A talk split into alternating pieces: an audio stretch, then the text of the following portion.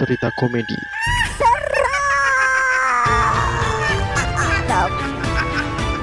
Balik lagi di Sisi Sadar bersama saya Riz Gavara. Bersama saya Sena yang saat ini melihat kriminalitas karena kejahatan terjadi kan hanya karena ada niat pelakunya, tapi juga karena ada kesempatan. Betul sekali. Slogannya Bang Napi tahu gak sih? Tahu tahu tahu. Oh, itu legend, Bro. Legend banget, Bro. Tapi gue dengar-dengar udah meninggal, udah meninggal si Bang Napinya Emang nih. iya? Iya, gue baru aja nih ngeriset gara-gara lu nge-bridging biar ada bridgingnya. Kenapa Anda sebut? Ya ditunjukin ya. Lah antum tanya. Anjir. Tapi kasus-kasus penculikan di Indonesia itu memang gak gue nggak tahu ya kasusnya setinggi setinggi apa. Cuman kan biasanya memang ada tuh ngerinya zaman kita kecil itu tuh ada jenis mobil di mana jenis mobil itu tuh ditanemin buat anak-anak tuh tuh kayak mobil yang buat nyulikin anak-anak kecil gitu bro Bentar, bentar, bentar, bentar. Ditanamin tuh maksudnya gimana? Itu ada bibitnya gitu, Cok. bukan maksudnya tuh buat nakut-nakutin gitu loh Oh, dikasih tahu informasi kalau ini nih eh, mobil penculik gitu kali ya. biasanya buat nakut-nakutin biar biar balik gitu kan biar balik tuh anak Oh iya, menghindari kali ya, bukan balik ya. bukan menghindari cuma nakut-nakutin aja biar balik udah maghrib setan aja udah pada ba- disuruh maknya balik dia belum anak orang belum balik-balik Udah, maghrib, Mas setan beroperasi, Cuk. Kenapa balik? Gak jadi operasi dong. Libur dia itu malahan. iya sih Anjir lah. tapi ngomong-ngomong soal diculik tuh kan nggak hanya di dunia manusia ya kalau soal culik menculik Oke. bahkan kita sempat juga cerita soal penculikan seorang anak. Tapi kenapa selalu yang diculik itu seorang anak gitu bro? Di alam gaib kan juga gitu kan? Diculik setan. Entah itu setan apa ya? Oke oke. Iya sih iya sih. Karena mungkin karena eh, anak kecil ini biasanya yang diculik kalau dari sosok hantu atau jin gitu ya. Itu adalah anak-anak yang belum punya dosa banyak gitu. Belum punya dosa yang apa ya dosa yang berat kayak lu setiap hari coli gitu kan. Anjing situ ya lagi mana ada lah setan yang mau nyulik lu. Bukan, kalau bukan ini sih, mungkin karena polos kali ya. Jadi kan mudah untuk dikelabui gitu kan. Soalnya kalau orang yang udah udah gede udah, udah tua kan ya nggak mungkin kan bisa bisa gampang untuk dikelabui gitu sama-sama setan tuh. iya sih benar benar benar. Bisa aja bisa jadi bisa jadi. Nah kemarin ada lagi nih Sen, eh, temen Ded Mukras nih ngirim cerita yang dia alamin di desanya Cuk. Itu katanya tuh ada penculikan anak. penculikan anak? Yoi, anak apa nih? Anak sapi apa anak manusia? Kalau nggak salah sih anak konda ya. kenapa? Kenapa anaconda itu berasa kayak di Amazon ya Emang sih anaconda tuh emaknya siapa kita juga nggak tahu sebenarnya. iya ibu konda lah iya ibu benar. konda iya dong Iya. bapaknya bapak konda iya Tapi dong ini katanya nih cerita ini cerita apa? Kisah nyata gitu Sen. oh dari kisah nyata Jadi si Dedmokras ini namanya Dadang. dadang waduh orang Sunda nih Wah nggak juga lah. Orang Jawa juga banyak nama Dadang. oh ada ya dadang Sukirman Bukan. Sudirman Sujirman Kenapa sih ini orang? Tau gak sih iklan itu loh Gua nggak tahu. Gua nggak tahu deh. Gua nggak tahu. Ada hei ah. Iklan ini provider provider kartu kartu SIM card Emang iya. Gua nggak tahu cuk. Lu mah ada lu kan umurnya lebih jauh dari saya. Jadi saya nggak tahu iklan-iklan di umur-umur Anda. anjing si bangsat si bangsat bikin asumsi yang anjir lah Nah, si Dadang ini dia bercerita soal kisah nyata yang pernah dia alami di desanya nih. Jadi si Dadang ini suatu malam gitu kan maghrib-maghrib nih, bukan malam nih maghrib-maghrib. senja senja Enggak, dia bukan anak senja sih. Dia nggak mungkin kan dia ngerokok sambil ngopi di atas genteng. iya sama bener rokoknya Inter Kenapa Inter sih selalu Inter sih? Kita emang ada brand Inter. iya biar masuk aja siapa tahu ya kan Nah, maghrib-maghrib si Dadang ini tiba-tiba dari dalam rumahnya dia ini mendengar suara teriakan tangisan dari luar. Jadi kayak tetangganya gitu Sen. T- Oke, dari luar ada tangisan gitu. Terus Nah, ternyata setelah si Dadang ini mencoba keluar, ternyata tangisan itu terdengar dari rumah Pak Salman, tetangganya. Jadi yang nangis itu adalah istri Pak Salman dan mertuanya si Pak Salman ini. Nah, alasan mereka menangis maghrib-maghrib itu katanya itu anaknya yang bernama Dito itu hilang sejak maghrib dan tidak tahu pergi ke mana. oke, oke, oke, oke. Padahal sebelumnya tuh katanya tuh si Dito ini masih ada di teras rumah tuh. Main mobil-mobilan, kuda-kudaan, hingga bermain berjalan di atas beling katanya. gue suka nih, gue suka nih.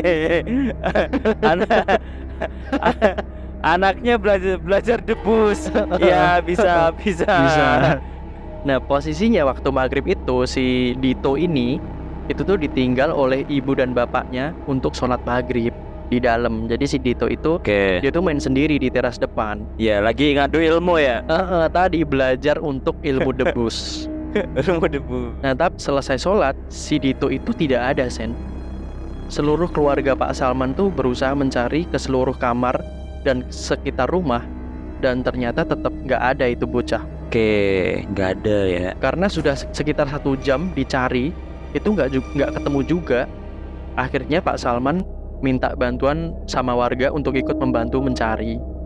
Bahkan sampai disiarkan di masjid untuk mereka yang mengetahui keberadaan si Dito ini diharap segera menghubungi keluarganya yaitu Pak Salman. Oh, gue Jadi memang udah dicari ke sekitar rumah tuh ini si Dito si bocah ini tuh nggak ada gitu loh. Oh gitu, oke oke oke. Udah sampai atau masjid lah ya. Mm-mm. Nah terus akhirnya si Dadang ini pun eh, sebagai tetangga yang baik gitu kan itu tuh akhirnya berusaha untuk membantu mencari si Dito ini. Oke. Nah karena tadi udah diumumin di masjid kan akhirnya para tetangga-tetangga gitu tuh bantuin buat cari Dito ke jalan-jalan besar, ke tetangga-tetangga sebelah rumah, bahkan ke dalam palung Mariana.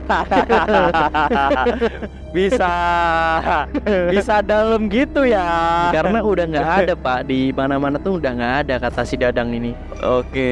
Katanya nyelamnya ke Palung Mariana pakai free diving ya, jadi tanpa alat bantu gitu. Iya, jadi kayak dikasih pemberat di kakinya gitu. Iya. itu itu bukan berenang emang dibuang aja ke situ biar mati bangsat. nah, tapi tuh udah di- dibantuin warga sekitar, tetangga-tetangga tuh si Dito ini nggak ketemu juga, Sen. Akhirnya si Pak RT ini dia berinisiatif untuk meminta bantuan sama Pak Ustadz. Kakak, tang Pak. Si Dito anak Pak Salman hilang waktu maghrib Pak. Saya khawatir diculik sama demit nih. Astagfirullah. Baik Pak, saya akan bantu ikut cari. Karena di seluruh desa juga tidak ditemukan. Dia udah cari mungkin di belakang rumah tetangga tuh juga nggak ketemu Sen. Oke. Terus akhirnya mereka memutuskan untuk mencari ke perbatasan desa dan perbatasan Korea Utara. Waduh. Wah, berbahaya ya. Berbahaya. Masih konflik, masih konflik. Apakah si Dito ini diculik sama Kim Jong Un? Bisa jadi, bisa jadi dikirim sama roket nuklirnya kali ya kalau mau balik gitu. Ya mati lah anjing dikirim pakai roket, Cuk. di tali gitu kayak tau gak sih kayak yang di Toy Story tau gak sih? Eh, Iya bangsat. Nah, tuh akhirnya warga tuh mencoba mencari di sekitar sungai yang terdapat rumpun pohon bambu di sekitarnya. Sebenarnya kalau misal dipikir menggunakan akal gitu ya, nggak mungkin kan anak umur 3 tahun pergi ke tempat yang jauh dari rumahnya dan tempat itu tuh tepian sungai yang serem dan gelap gitu bro. Oke. Tapi karena memang udah hampir putus asa dan hanya tempat itu aja yang belum disusuri sama warga, akhirnya warga pun memutuskan ke pinggir desa dengan membawa obor dan alat dapur. Oh sambil diketok-ketokin ya? Nah, mungkin gitu tuh. Dadang tuh sama ibunya disuruh bawa panci dan memukulnya dengan sendok. Oke. Kata ibunya Dadang tuh mungkin si Dito itu tuh disembunyikan sama Wewe Gombel. Oke. kan katanya kalau misal disembunyiin kayak gitu kan biasanya tuh ya itu tadi mungkin ya jadi kayak ngetok-ngetok eh, bunyi-bunyian yang nyaring gitu kan Iya ya. kayak belnya belnya ini bis gitu. benar Tetotet Anjing. ya tetotet. enggak gitu lah Cuk. malah jadi kayak konvoy Oh, buk- bukan ya. jadi warga tuh membawa dan menabuh alat dapur sekaligus ngadain demo masak oseng-oseng biji sapi katanya. Ini ngaco bener nih cerita nih masuk masuk. Bisa. Malah malah ada anjing. Bangke. Ah bangsat tapi di situ Dadang tuh nggak tahu nggak tahu nih maksudnya bahwa alat-alat ini tuh buat apaan gitu kan. Terus ya itu tadi buat demo masak anjing. Iya dia jadi waktu di jalan tuh si Dadang nih ngobrol sama ibunya. Oh ngapain sih bawa panci sama sendok buat cari orang hilang kau bawa ginian nih kalau ketemu sama itu jurik kita masak sekalian rame-rame bikin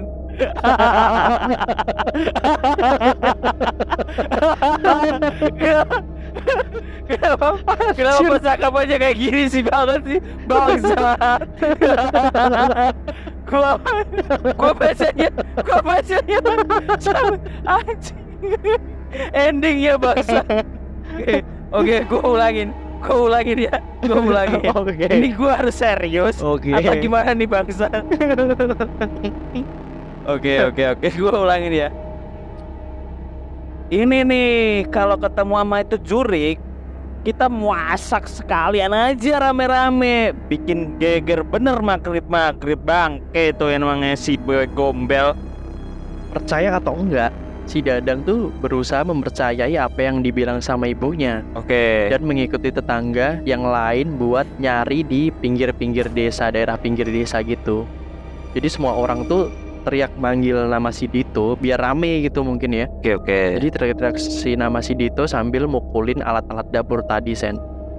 Tiba-tiba waktu nyampe di jembatan tuh Pak Ustadz tuh memutuskan untuk mengajak warga berhenti di sekitar jembatan tuh di sana ada pohon bambu yang sangat rimbun Heeh. dan nampak si Pak Ustadz juga membaca doa sambil sesekali nampak seperti berkomunikasi dengan seseorang yang tidak nampak gitu bro nggak kelihatan jadi kayak Oke. Pak Ustadz nih kayak ngomong sendiri itu dari kejauhan beberapa menit kemudian terdengar suara tangisan bayi di dekat bambu dan semua orang tuh berhamburan ke tempat itu Oke. terus karena si Dadang ini penasaran kan Ya. Dadang nih ikut lari ke tempat asal suara itu rame-rame dan ternyata di sana ada si Dito ini nampak sedang menangis di tumpukan daun bambu kering tanpa menggunakan baju. Waduh pedofil nih si si demit brengsek nih. iya sih, kayaknya kenapa anda menyasar anak-anak? Iya bener Dan jadi nggak pakai baju ya kan? Wah bangke juga nih. Iya sih bangke banget nih si Aduh si demit bangke nih. Nah si Dito tuh langsung ketika ditemukan kan langsung digendong sama Pak RT dan dibawa pulang ke rumah Pak Salman bersama para warga. Oke Si Dito hilang sejak maghrib dan baru ditemukan sekitar jam 10 malam. Oke Kar jadi karena si Dito itu kan masih berumur tiga tahun kan, jadi Dito belum paham saat ditanya bagaimana dia bisa sampai ke sana gitu kan. Iya Tapi menurut Pak Ustadz, Dito itu memang dibawa oleh Wewe Gombel yang sedang usil men. Menurut gua sih Wewe Gombel ini bukan usil sih Emang job desknya dia gigi gitu gitu. Dia emang menculik anak kecil. Ah sih, kebanyakan kan memang dia kan yang nyulik-nyulik anak-anak kecil itu kan. Iya. Cuman gue ceritanya sebenarnya masih nanggung nih. Harusnya anaknya Dito ketemu sama Wewe Gombel ini juga ketemu. Akhirnya mereka masak-masak bareng gitu. Anjir.